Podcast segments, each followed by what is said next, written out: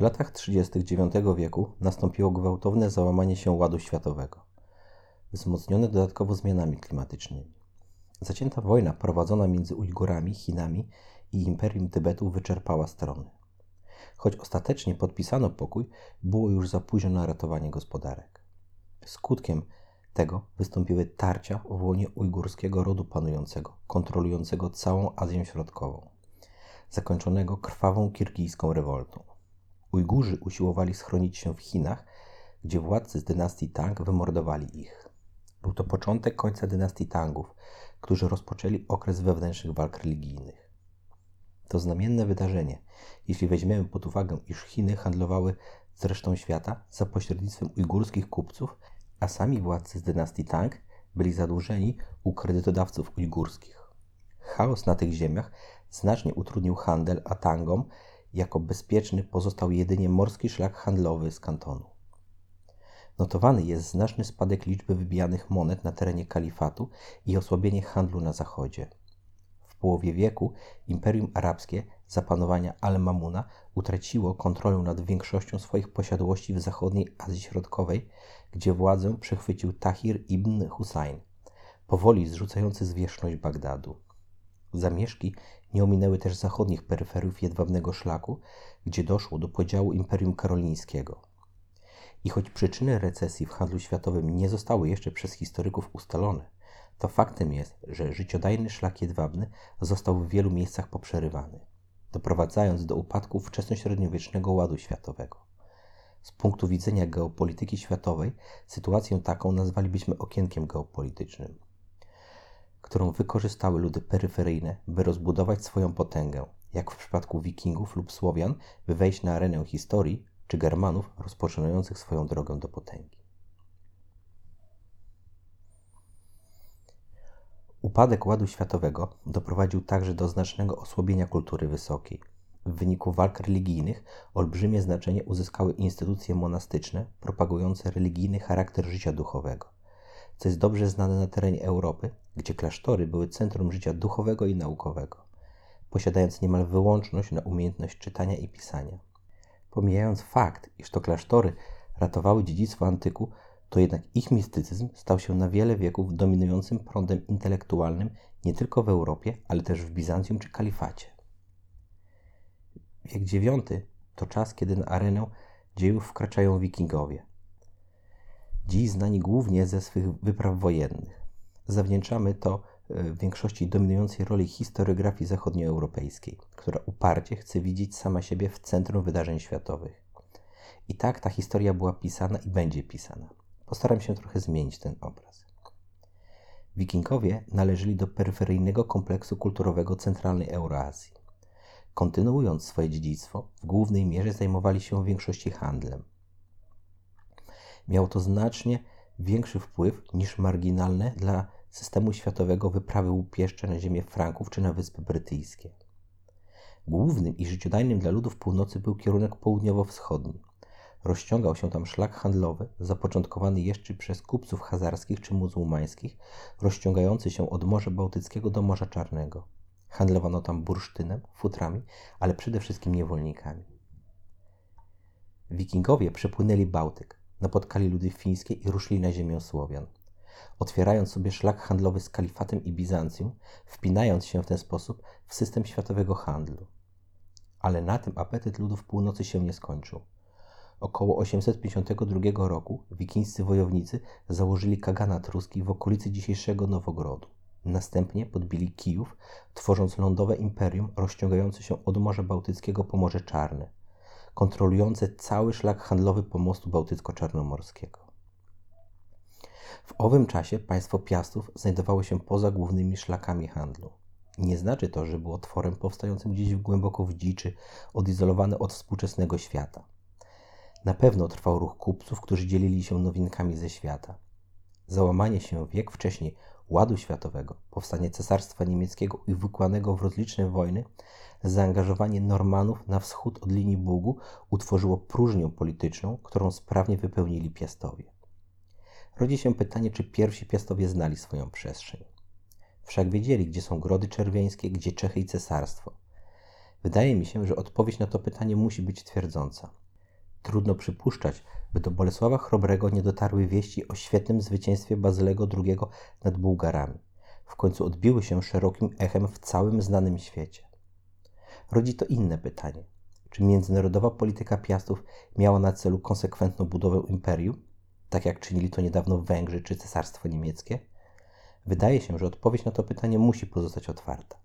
Niemniej pewne jest, że Piastowie potrafili myślą geopolityczną sięgnąć dalej niż kilka okolicznych grodów. Podpowiada nam to geografia. Państwo Mieszka ze ścisłym centrum na ziemi gnieźnieńskiej w sposób naturalny ciążyło do linii Odry. Widać to po ekspansji Piastów, skierowanej głównie na zachód, w celu przechwycenia ujścia Odry, czyli uzyskania kontroli nad tym ważnym szlakiem handlowym, czy też wojny z Czechami, uzyskując kontrolę nad Górną Odrą.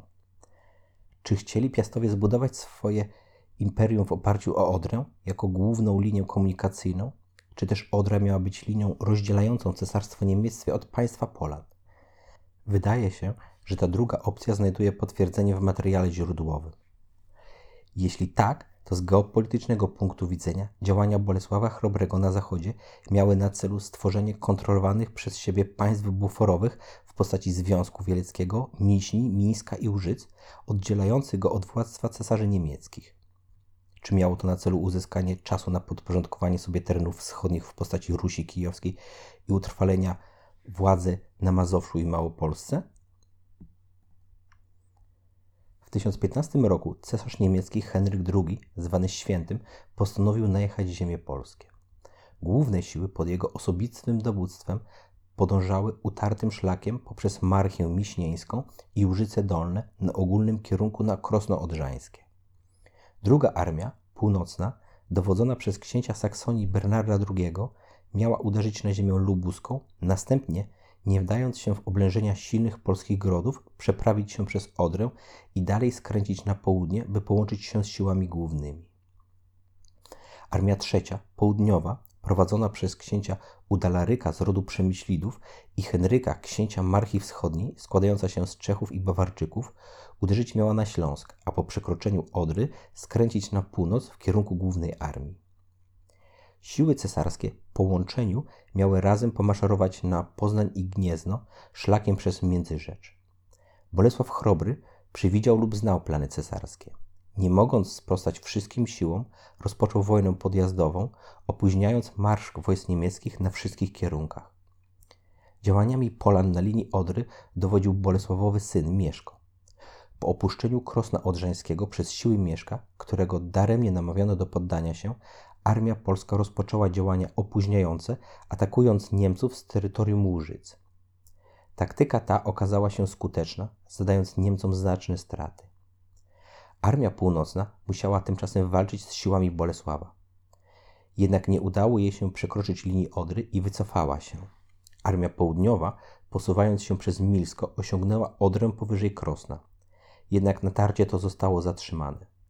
Jeszcze tylko Udalerykowi udało się zdobyć gród Busic, który usytuowany jest gdzieś w okolicach dzisiejszego Zgorzelca.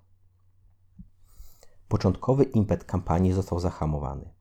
Henryk II, nie widząc szans powodzenia, postanowił się wycofać.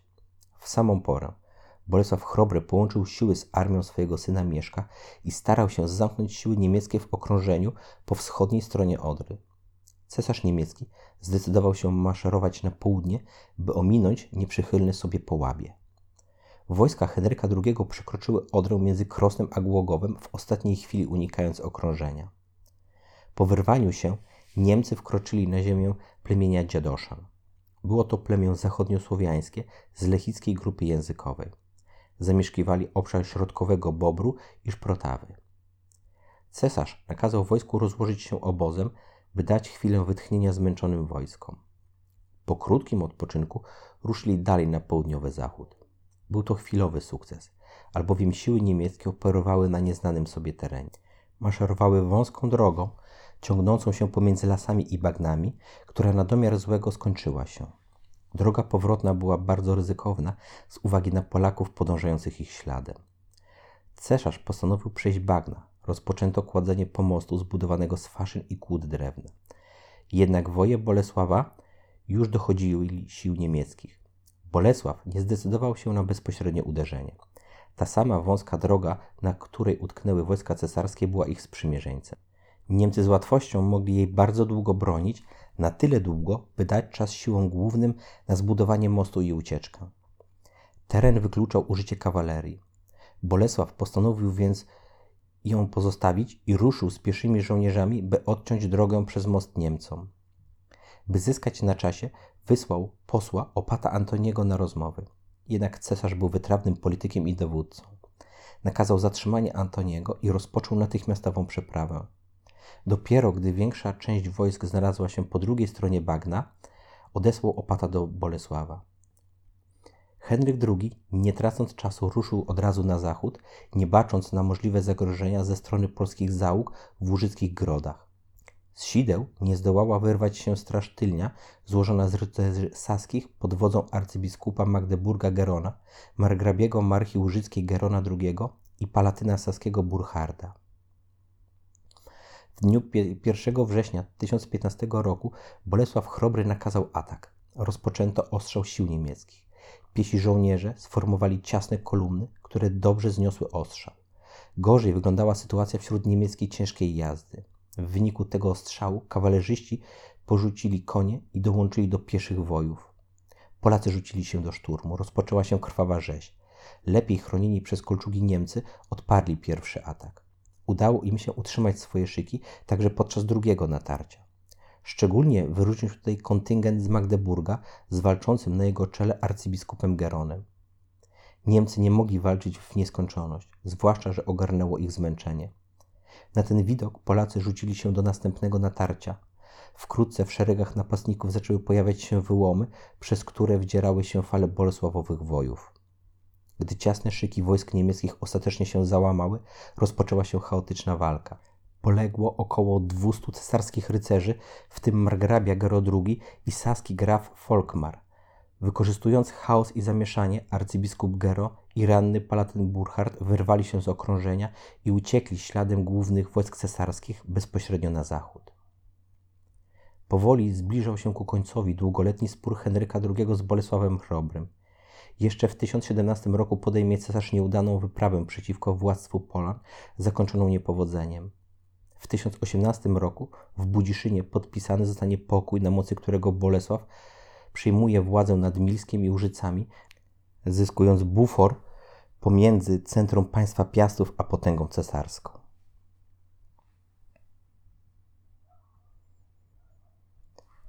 W 1015 roku po śmierci Włodzimierza Wielkiego tron kijowski prawem starszeństwa przyjmuje jego syn, Świętopełk, któremu wcześniej Bolesław Chrobry wydał za żonę swoją córkę.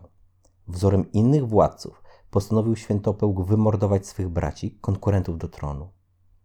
Na wieść o tym Jarosław z Nowogrodu wyruszył przeciwko niemu na Kijów. Świętopełk, mimo wsparcia Pieczyngów, przegrał i zbiegł do swojego teścia, władcy Polan. W 1017 roku zmarła żona Bolesława, Emnilda. Chrobry podjął starania o uzyskanie ręki Przecławy, siostry Jarosława, ale spotkał się z odmową. W tym samym roku Jarosław w porozumieniu z Henrykiem II uderza na Brześć. Wrogie stanowisko Jarosława skutkuje wyprawą podjętą przez Bolesława, który przy wsparciu kontyngentu niemieckiego uderza w kierunku na Kijów.